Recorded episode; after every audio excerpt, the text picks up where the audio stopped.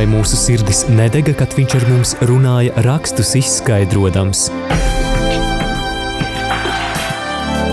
Ceļš uz zem mausu. Lauzīsim kopā Dieva vārda maizi, iedziļinoties dažādos bibliskos tematos.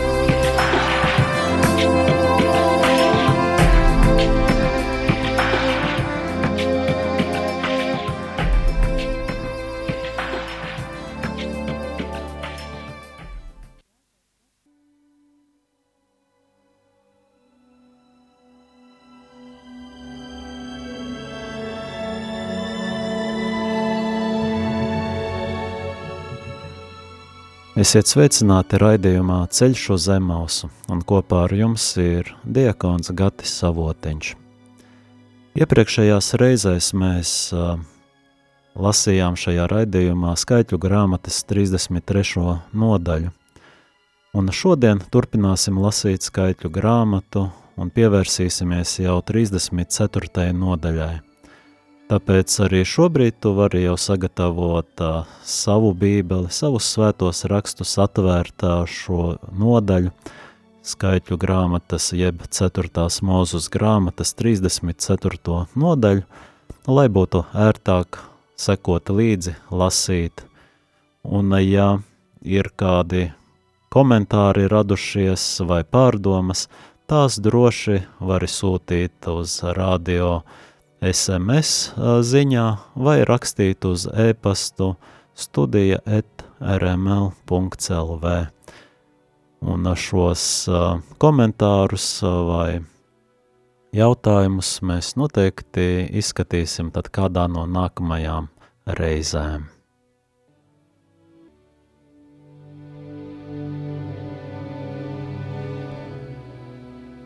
Un tagad ķersimies klāt skaitļu grāmatas 34. nodaļai, lai ieklausītos, ko Dievs vēlējās un vēlas mums šodien pastāstīt vai pateikt caur šīm nodaļām. 34. nodaļa skaitļu grāmatā mūs norāda uz ievedu šajā vēl notikumā, kad uh, Izraēlis stāv pie apsolītās zemes pretī Moabas līdzenumiem un vēl nav ienācis šajā uh, zemē, bet uh, jau caur mūzu tiek noteiktas uh, zemes robežas. Šī nodaļa apraksta mūzumu un Izrēla bērniem Kanānas zemes robežas. Lai gan zemes Jordānas upes austrumu krastā piederēja jau Izrēlai, jo viņi atradās jau pie šīs zemes, šī zeme netiek uzskatītas par Kanānu. Jo nu, Kanāna bija atzīta geogrāfiska tāda vienība sākot ar 15. gadsimtu pirms mūsu ēras, un tā bieži tiek pieminēta rakstos no Ēģiptes nākamajos gadsimtos, periodā, kad tā atradās nu, Ēģiptes kontrolē. Un šie ārpus bībeles teksti nenosaka kanānas robežas, kā to dara šī nodaļa, taču acīm redzot, paredz daudz tādas pašas robežas, kā ir norādīts bībelē. Un ja līdz šim Dievs nebija noteicis apsolītās zemes robežas, jo, kad runāja par šo apsolīto zemi, runāja par Kanānas zemi, tad turpmākajos pantos tās tiek noteiktas, ievērojot, ka Dievs saka, nevis ja jūs pāriesiet Jordānas upē, lai ieietu zemē, bet kad jūs ieiesiet – Un šim apgalvojumam, šim pamudinājumam bija jābūt tam iedrošinājumam, bieži vien arī bailīgajiem Izrēla dēliem, lai viņi um, uzticētos Dievam un, un uh, ieietu šajā apsolītajā zemē. Un kāpēc Dievs bija tik pārliecināts? Vai tāpēc, ka viņi bija pelnījuši?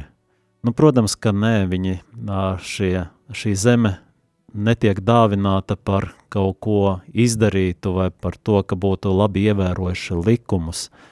Neviens no mums nav pelnījis dieva žēlastības dāvanu.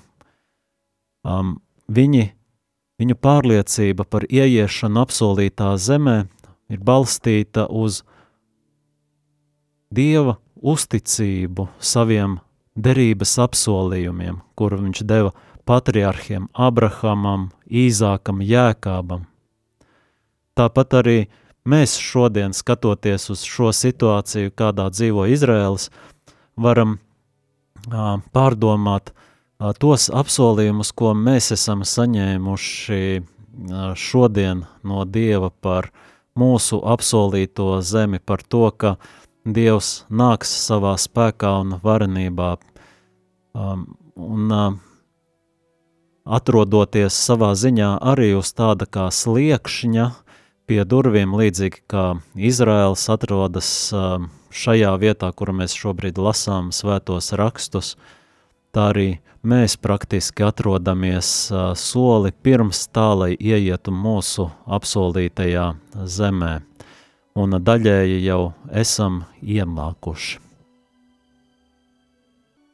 Ticības stiprināti – uh, izrēlieši um, varēja stāties pretī nocietinātām pilsētām un uh, karavīriem Kanānā, kā mēs zinām, kur bija milži, būdami pārliecināti, ka uzvara jau ir izcīnīta Dieva spēkā, iznākums jau ir drošs. Jo tad, kad Dievs ir mūsu pusē, neviens nevar būt pret mums. Tātad 34. nodaļas otrajā pantā mēs lasām šo kunga teikto mūzumu, kad ieiesiet Kanāna zemē, tā zeme jums tiks mantojumā. Kanāna zeme visās tās robežās. Tātad šis apgalvojums ka ieies viņi un ka tā zeme jau ir dāvāta viņiem, un ka šī zeme ir mantojums. Ka Izrēlai bija jāpārņem kontrole pār Kanānas zemi ar iekarošanu. Jā, viņiem jāizdzen tās iedzīvotāji, lai pārņemtu valdījumā, bet šī zeme tiek dota nevis tāpēc, ka viņa būtu nopelnīta, bet tāpēc, ka tas ir mantojums, mantojums, kas tiek brīvi dots, nevis nopelnīts. Šeit mēs arī paralēlis varam vilkt ar uh, mūsu situāciju, ar uh, to, kādā mēs uh, dzīvojam, kad mēs esam arī caur Jēzu Kristu viņā kļuvuši par Dieva valstības mantiniekiem. Mēs arī mantojam zemi, apsolīto zemi, un uh, mums jābūt, uh, jādzīvo šajā pašā uzticībā, kā Izrēļi uh, dzīvoja šajā uzticībā, pārliecināti, ka šī zeme, kas viņiem ir dota, ka viņi tajā ieies, ka tā būs viņu zeme. Un arī līdzīgi mēs uh, varam dzīvot šajā pārliecībā, ka zeme, ko Dievs mums ir devis, viņa mums pieder, Mums tikai būs vēl tajā jāieiet pilnībā.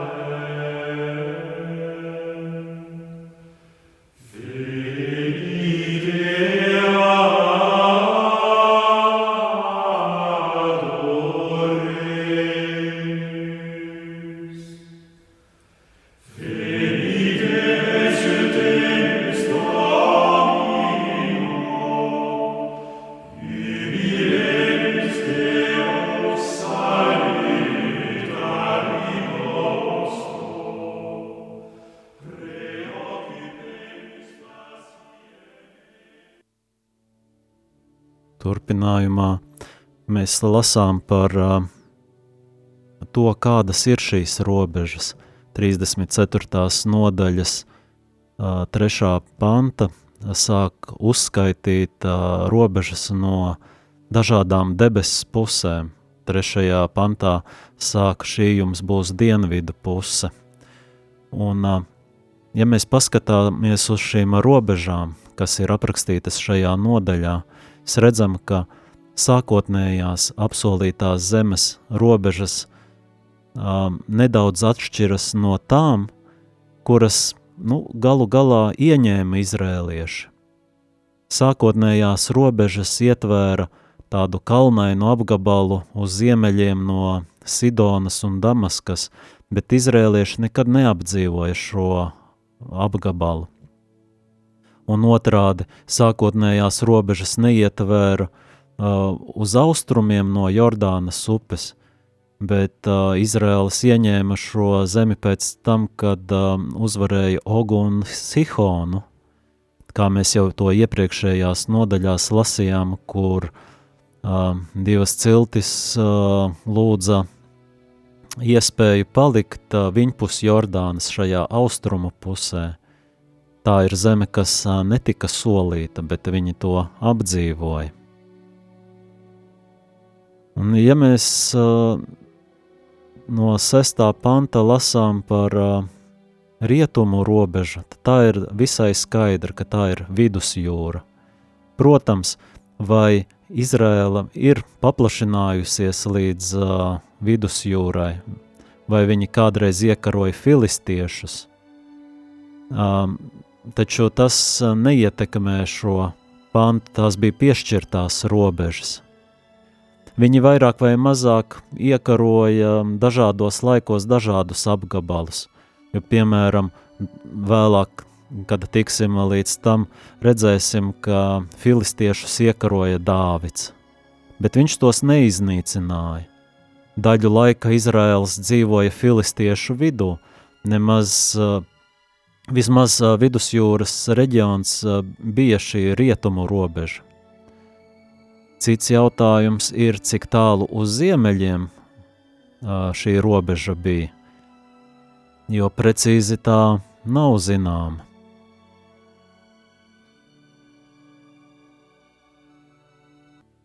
No 7. līdz 9. pantam tiek aprakstīta šī ziemeļu robeža un šie orientieri atrodas krietni uz ziemeļiem no mūsdienu Izraēlas ziemeļu robežas.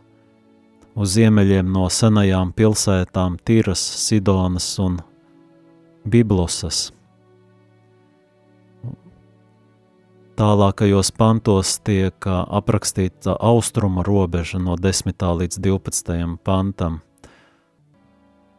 Un austrumu robeža – Viņa principā atbilst arī tam, kas skaitļu grāmatā ir aprakstītas 13. un 14. nodaļā, tai minētai zemes topogrāfijai, jo Mūzus tajā laikā bija sūtījis izlūkus, un īstenībā šai sakritībai ir liela nozīme, jo zeme, kuru vergu paudze, tie, kas izgāja no Eģiptes, pazina tikai no izlūku stāstītā un šaubījās, vai to jebkad izdosies iekarot, ir šobrīd atvērta tieši brīvībā dzimušo paudzē. Un piepildās līdz ar to patriarchiem un mūzum dotais solījums. Kopumā šo uh, tuvo austrumu zemes piešķīrums ļoti atgādina tādu kā karaļa zemes piešķiršanu, ko parasti veica ķēniņš, šajā gadījumā Jahve – savam padotajam vai vasalim, un mūsu gadījumā Izrēlam. Un te ir tāda paralēle, ka seno, senie ķēniņi apgalvo, ka viņu dievi piešķir viņiem konkrētas zemes un tautas, lai tās iekarota. Zemes piešķiršana ar konkrētām robežām bija nu, savā ziņā ierasta tuvo austrumu tāda kā līgumu daļa. Un tieši šo mēs arī redzam šajā skaitļu grāmatas 34. nodaļā. Bet kā jau iepriekš minējām, šī šeit definētā Kanāna ir daudz lielāka teritorija, kā jebkad Izrēla apdzīvoja. Un, uh, lai arī vēlāk ķēniņš Dāvids uh, kontrolēs lielāko daļu Kanānas un arī lielu daļas Transjordānijas, taču šeit definētā zeme neatbilst Izraēlas faktiskajām robežām nevienā no tās vēstures posmiem. Ja vecajā derībā Izraēlas saņēma zemes dāvinājumu, savukārt jaunajā derībā mēs ticīgie saņemam dzīvības dāvanu Kristu. Mūsu apsolītā zeme, mūsu vieta ir dzīvība Dievā. Tā ir mūsu zeme. Tā ir zeme, kurā mēs dzenam savas saknes, uh, kuru mēs saņemam caur Dieva žēlastību, caur Dieva mantojumu, ko mēs mantojam, vienojoties ar Jēzu Kristu. Savukārt no 13. panta tālāk mēs lasām par to, kā zemi deviņas ar pus ciltis sadala Jordānas upes rietumu pusē, jo atcerēsimies, ka šī austrumu puse, kas nebija solīta, viņu jau apdzīvoja, saņēma divas, uh, divi ar pus ciltis. Un uh, mēs šajās, šajos pantos redzam, ka Dievs ir sagatavojis uh, nu, to apsolījumu mērķi, kura dēļ cilvēkiem bija jāieceļo. Viņiem patiešām bija jāpārņem tas savā īpašumā, lai īstenotu, um, īstenotu viņiem uzticēto mērķi un uh, uzsāktu savu nacionālo dzīvi jaunajā identitātē, kādu viņi ir ieguvuši ceļojot cauri tūkstnesim. Un šeit izpaužas tāda dievišķa gādība, jo sadalījums tiek uh, veikts uh, uh, nevis uh, uh, kā kurš uh, pārliecina viens otru, bet uh, balstīts uz cilšu salīdzinošajām vajadzībām un attiecībā uz stāvokli tas bija tātad balstīts Dieva, Jehovas gribā, kas neapšaubāmi nu, sakņojas tajā, ka viņu, viņa pilnīgi, ir, viņam ir pilnīgas zināšanas par šīm dažādām cilšu īpašībām un vajadzībām. Un šis sadalījums bija paredzēts tiem, kas gatavojās pāriet zemē aiz Jordānas. Tātad Rūbena un Gāda, kā arī puse no Manisas cilts šajā sadalījumā vairs nepiedalījās. Um, jo trīs reizes šajā nodaļā ir šis apgalvojums, ka viņi jau ir saņēmuši. Mēs lasām no 14. panta šo apgalvojumu, ka Rūben, Rūbena dēlu cilts jau ir saņēmusi – gāda dēlu cilts ir saņēmusi. Maneses, puse maneses cilts ir saņēmušas savu mantojumu. Tātad caur šiem pantiem, pat ja šī zeme nebija iepriekš solīta, viņiem, viņi viņu saņem mantojumā. Ja? Tā, caur to tiek tā kā ratis, ratificēts, jeb pieņemts šis lēmums, ka viņš, viņa tiek dota mantojumā šī, šim ciltīm. Un tas ir pateicībā kā par viņu uzticību. Savukārt nākamajos pantos no 16. līdz nodaļas beigām tiek aprakstīts, kā tiek iecelti vadītāji, lai sadalītu šo zemi.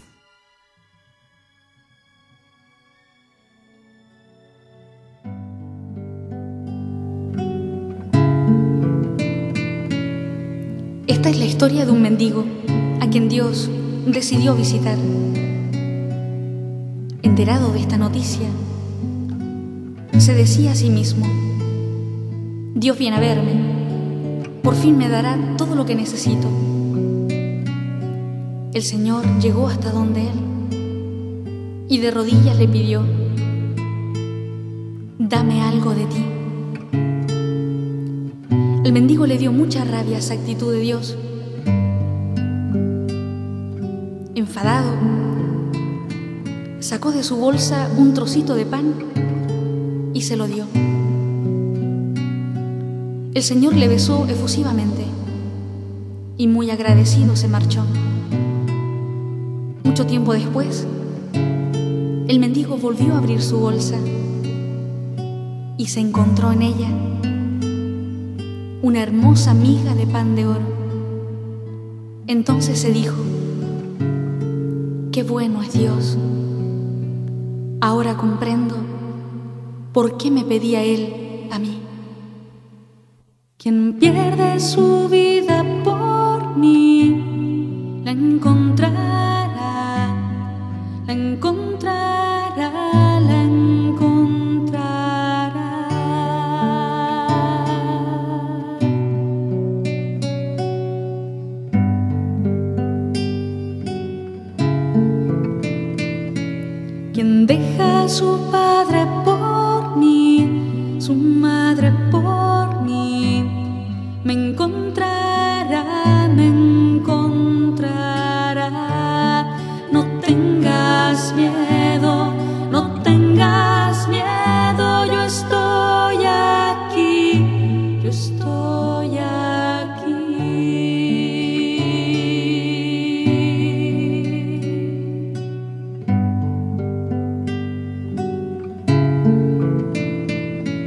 Quien deja su tierra por mí, sus bienes por mí, sus hijos por mí, me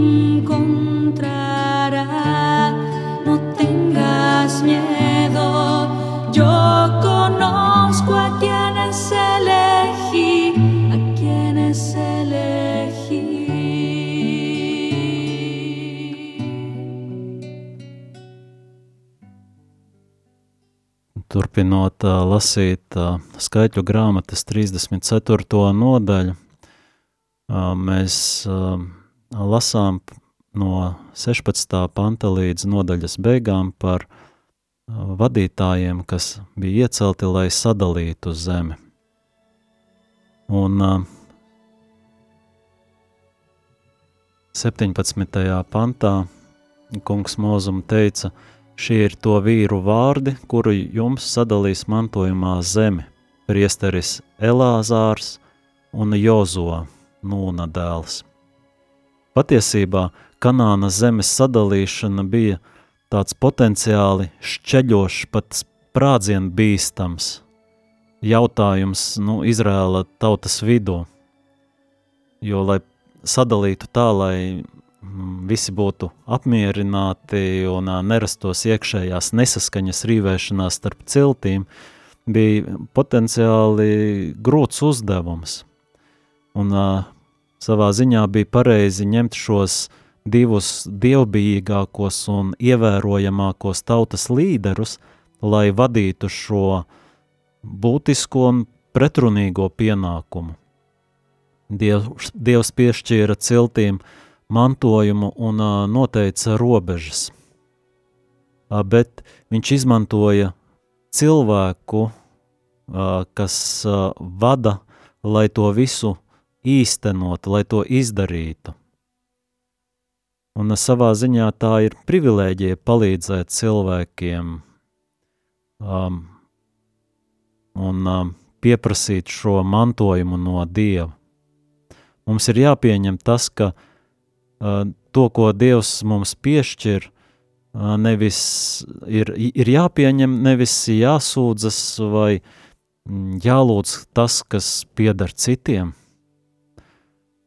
Ja? Daļa zemes atradās tuksnesī, cita daļa atradās pie jūras, citām ciltīm teritorijā bija kalni, un uh, tāpat arī mūsu dzīve, kas um, ir dažādi piesātināta, kā mēs sakām, ar kalniem un lejām. Un uh, mūsu Dievs ir visa Dievs. Viņš zina, kā, kas ir vislabāk. Viņš vienmēr ir ar mums. Un ja reizē mums uh, rodas kārdinājums sūdzēties par to, ka, mm, ku, par to, ko Dievs mums ir uzticējis, tad ir nu, jāpārdomā, ka caur ticību Kristuma mēs varam būt apmierināti ar to, ka mums jau ir šī mūžīgā dzīve viņā.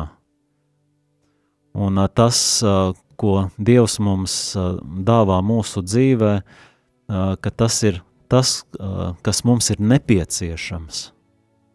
Viņš zina labāk, kas mums ir katram nepieciešams. Un tas ir ļoti būtiski arī kaut kādos pārbaudījumos, grūtuma brīžos, citreiz gribās kliegt uz debesīm, kāpēc man par to. Un tas ir uh, normāli un, uh, un ir jāsauc, uh, um, jālūdz uh, Dievam palīdzību, jo bieži vien uh, kaut kādas grūtības pārbaudījumus mēs nemaz nevaram izdarīt bez Dieva palīdzības – Bet tad, kad viņš palīdz un mēs izējam cauri šīm grūtībām, mēs kļūstam daudz pilnīgāki.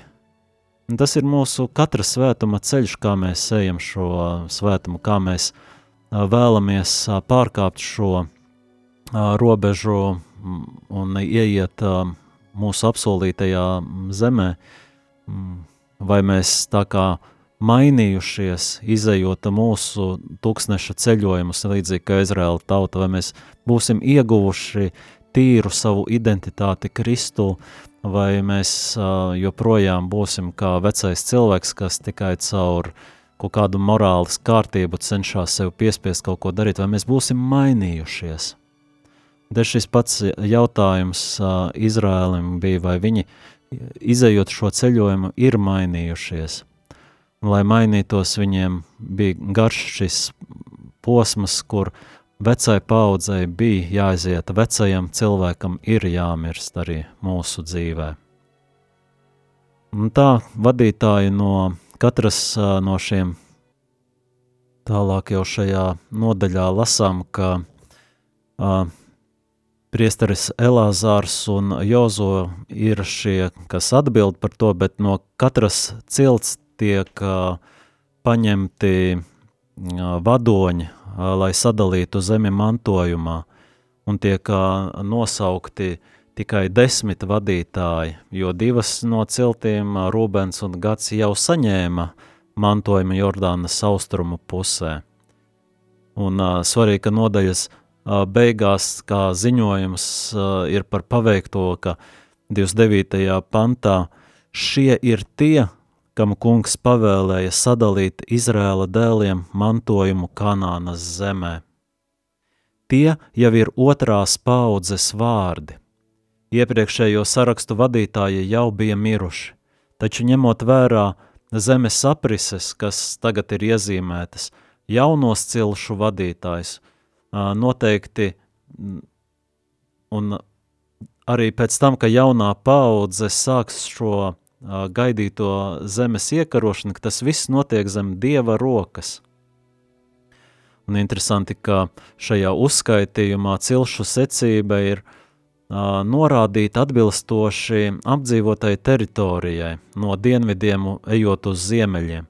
Pirmās četras ciltis Jūda, Šimona, Beņjamīna, Dana apmetas dienvidos, Um, nu, vēlāk, kad Dana cilts Jozo grāmatā lasīsim pārcelsies uz ziemeļiem, bet uh, nākamās divas ciltis, Manesas puse no Manesas un Efraims, apmetas Kanānas centrālajā augstienē, un pārējās četras ciltis, Zebulona, Išahāra, Ašēra un Neftāla, uh, manto uh, Kanānas zemi ziemeļos. Un uh, svarīgs pavērsiens šajā cilšu ierastajā kārtībā, ka jūda sarakstā tiek minēta pirmā.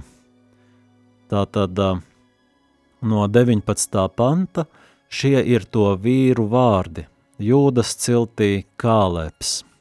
Ja, jūda tiek pirmā minēta sarakstā, pat pirms Šimonas.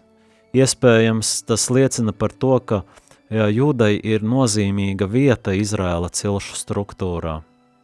Un secība, kādā viņi norāda, parāda akcenta izmaiņas, ka no militārās un politiskās vadoņu ēras, kas pagai, pamazām tuvojas beigām, varu iegūst tādas teokrātijas pazīmes. Jo, ja jau zeme ir dieva dāvana, tad tieši viņa pārstāvim ir jāuzņemas atbildība par tautas labklājību. Kad tā šajā zemē dzīvos? Šī nostāja paver iespēju, protams, jauniem konfliktiem Izraēļa vēsturē, kur reliģiskajiem līderiem tiek dota lielāka vara nekā politiskajiem vadītājiem. Un uh, lasot uh, šos vārdus, kas tiek nosaukti, um, savā ziņā ir interesanti paskatīties arī uz to, ko šie vārdi nozīmē. Tātad no jūdas cilts Kaleps nozīmē uzbrucējs, sagrābējs. No Šimonas cilts Samuēls vadonis ir dieva dzirdēts. No Beņamīna cilts Elīdāts ir dieva mīlēts, no Dana cilts Buki vadonis Jehovas cienītājs, no Jāzeba man, no Jāzepa Manesas cilts vadonis Haniels nozīmē dieva žēlastība no Efraimas uh, cilts vadonis Kemēls nozīmē dieva sapulce. Zebulona vadonis Elīcāfāns, ko dievs sargā. Tālāk no Jisašharas cilts Paltiels nozīmē, ko dievs glābi. No Ašēra cilts vadonis Ahihūts, nozīmē savienības draugs, un visbeidzot no Naftālī cilts vadonis Pedahēls nozīmē, ko Dievs atpestīja. Jā, interesanti šis pavērsiens, ka mēs uh, lasām, ka uh, vienmēr arī šo apgalvojumu, ka svētajos rakstos arī vārdiem ir sava nozīme – Un tad, paskatoties šo cilšu vadoņu vārdus, mēs varam arī aizdomāties par to nozīmi un ko, kāpēc tieši šādi cilšu vadoņi, kas ievedīs šajā apsolītajā zemē, kuru viņi apdzīvos, un ko tas tā kā varētu nest vai kāpēc tieši šāds cilvēks uh, ir ieved un vada pārējo tautu. Bet, nu, 4, 34. nodaļa ir pabeigta, un tad tālāk 35. nodaļā mēs jau lasam tālākos norādījumus um, par uh, Levītu pilsētām, par patvērumu pilsētām, um, attiecībā par slepkavībām un asinsatriebībām. Un uh, tā arī ir tēma, kas pēc būtības ir aktuāla un svarīga.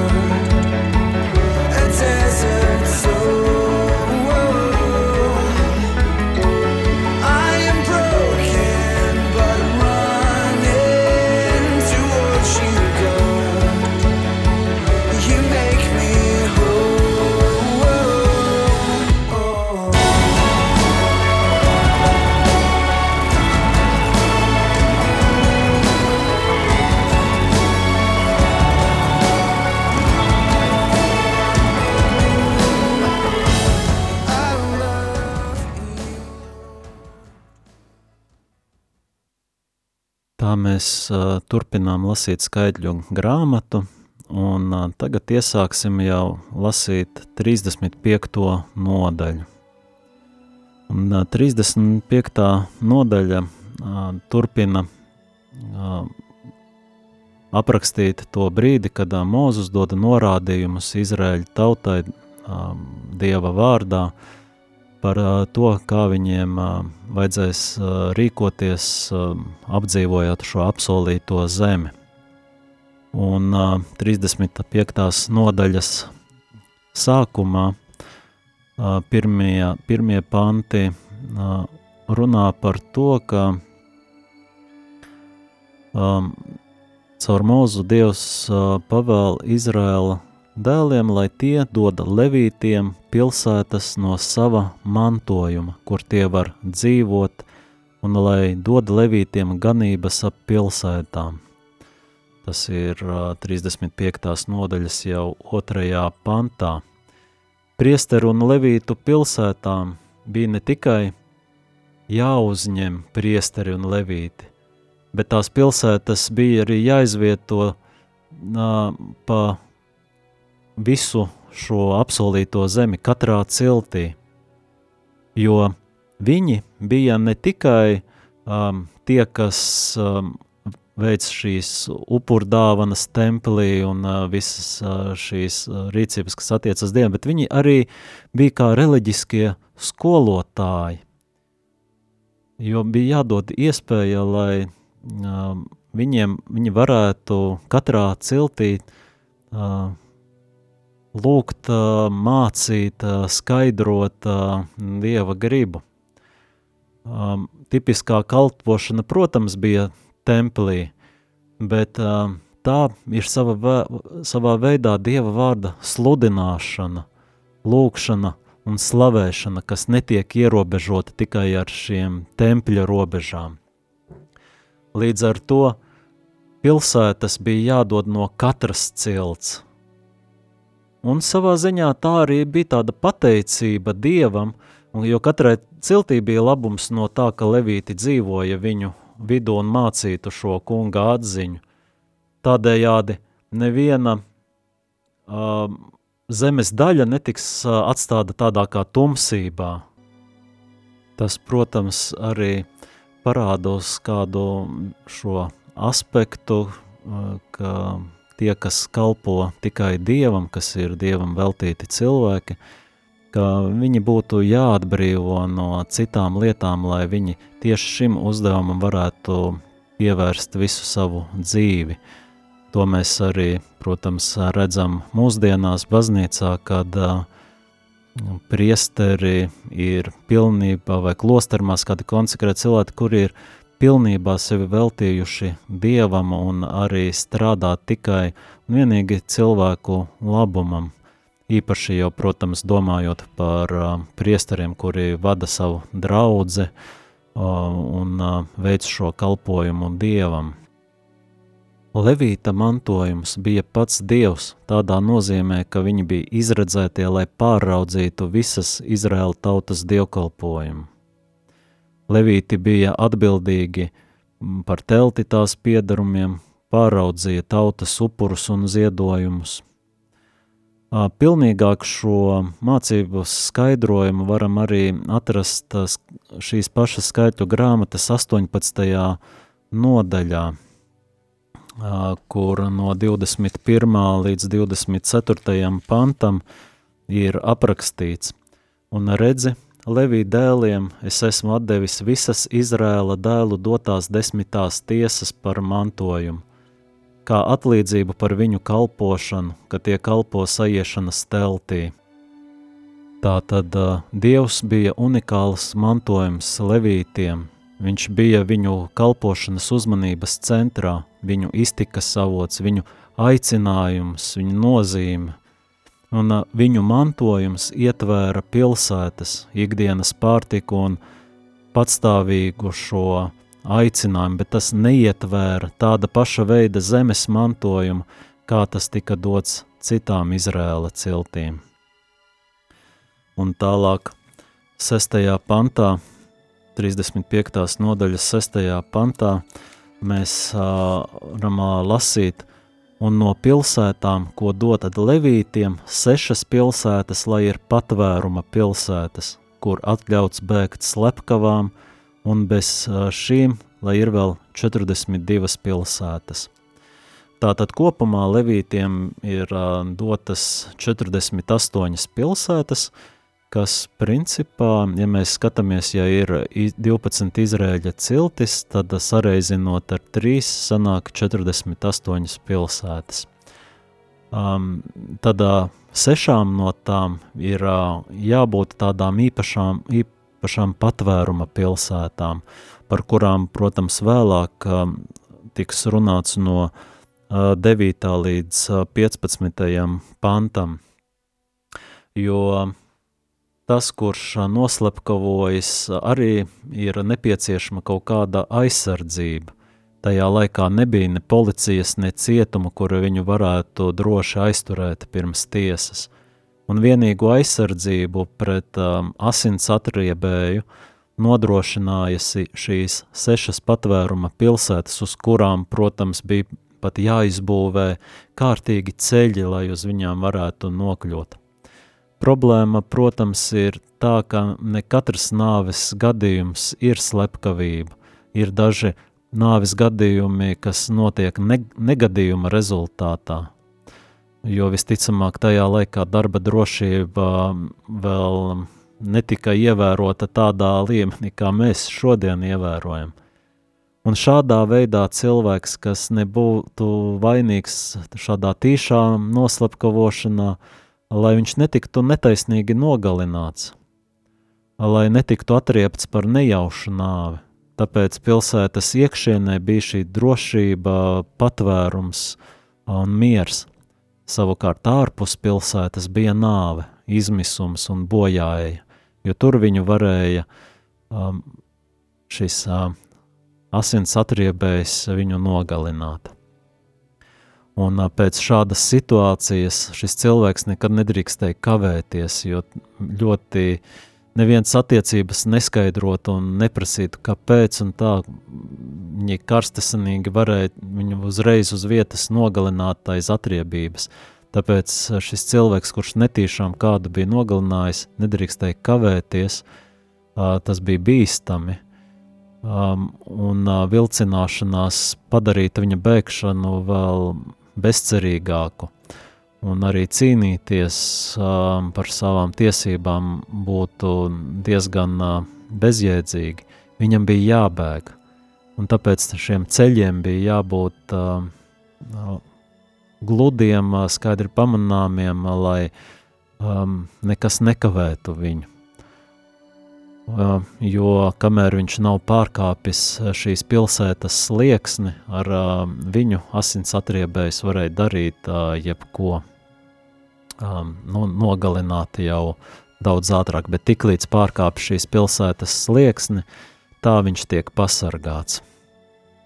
Un tālāk jau no šīs 9. līdz 15. panta, kur tiek vairāk stāstīts par šīm uh, um, patvērumu pilsētām, to nozīme ir tāda, ka tur arī tiek izpildīti, nu, tiek veikti šādi vairāki nosacījumi, ka pilsētas bija izkliedētas pa visu zemi, lai iedzīvotāji no jebkuras vietas vienas dienas attālumā atrastos un varētu ātri nokļūt uz šo pilsētu. Viņai bija jābūt viegli saredzamai un uh, paredzēta visiem cilvēkiem, neatkarīgi no tā, vai bija ebrejs vai pagāns. Un uh, um, pienākums bija uzturēt šos uh, ceļus uz šīm pilsētām, uh, lai būtu bez šiem klupšanas akmeņiem vai dažādiem šķēršļiem. Um, lielākā daļa pilsētu tajā laikā uz nakti vienmēr bija aizslēgtas, bet šīm pilsētām durvis vienmēr bija vaļā, pat kara laikā, lai pat naktī šis cilvēks varētu tajā iekļūt. Bēglis pēc ierašanās parasti vēršas pie pilsētas vecākiem, lai tiesātu. Um, jo neskatoties uz to, ka šī bija patvēruma pilsēta, tas nenozīmēja, ka uh, slep, jebkurš slepkava tiks uh, pasargāts. Pasargāts uh, tiks tas, kurš neapzināti ir nogalinājis netīšām, un priekš tā ir nepieciešama tiesa, tāpēc pilsēta viņu uzņem un nodrošina ar pajumti un pārtiku. Tiesas process parasti notiek jau diezgan ātri, dažu dienu laikā, un, un novērtē um, tāda kā komisija vairāku cilvēku.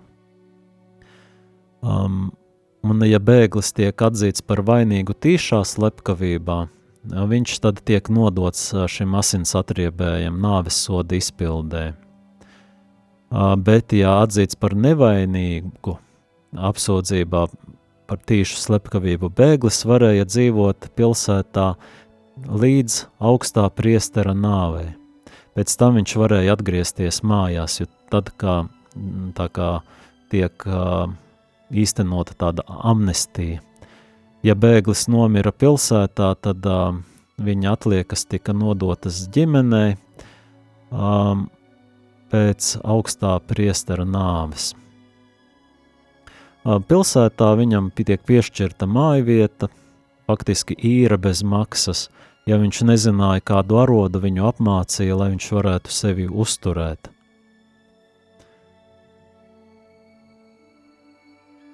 Tātad patvēruma pilsēta ir tāda kā cerība, kas arī mums ir raksturīga, kas tiek vērsta uz Jēzu Kristu, ka patveroties viņā, mēs tiksim glābti, bet ja atsacīsimies, iziesim, tad ārpus viņa, ārpus šī patvērumam, mēs zaudēsim savu mūžīgo dzīvi pie Dieva, jeb apsolīto zemi.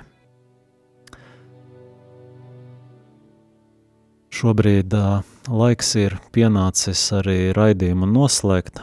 Mēs šodien nepabeidzām lasīt 35. nodaļu, un lai arī sākotnēji man bija doma, ka uh, šajā kalendārajā gadā mēs varētu pabeigt skaitļu grāmatu, tomēr izskatās, ka to mēs pabeigsim nākamajā reizē šajā janvāra jau raidījumā.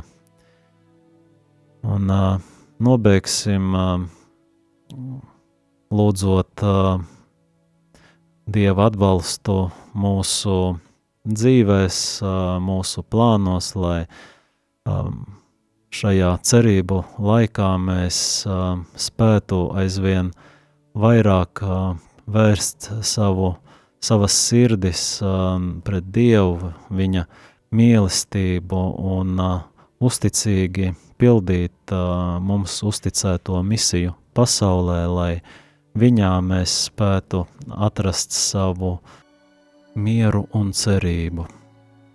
Lai Dievs mūs pavada šajā ceļā uz mūsu apsolīto zemi un lai caur svētajām rakstiem um, palīdz paskatīties uz mūsu dzīvi ar citu skatienu, lai labāk iepazītu un Dieva darbus arī mūsu dzīvēs.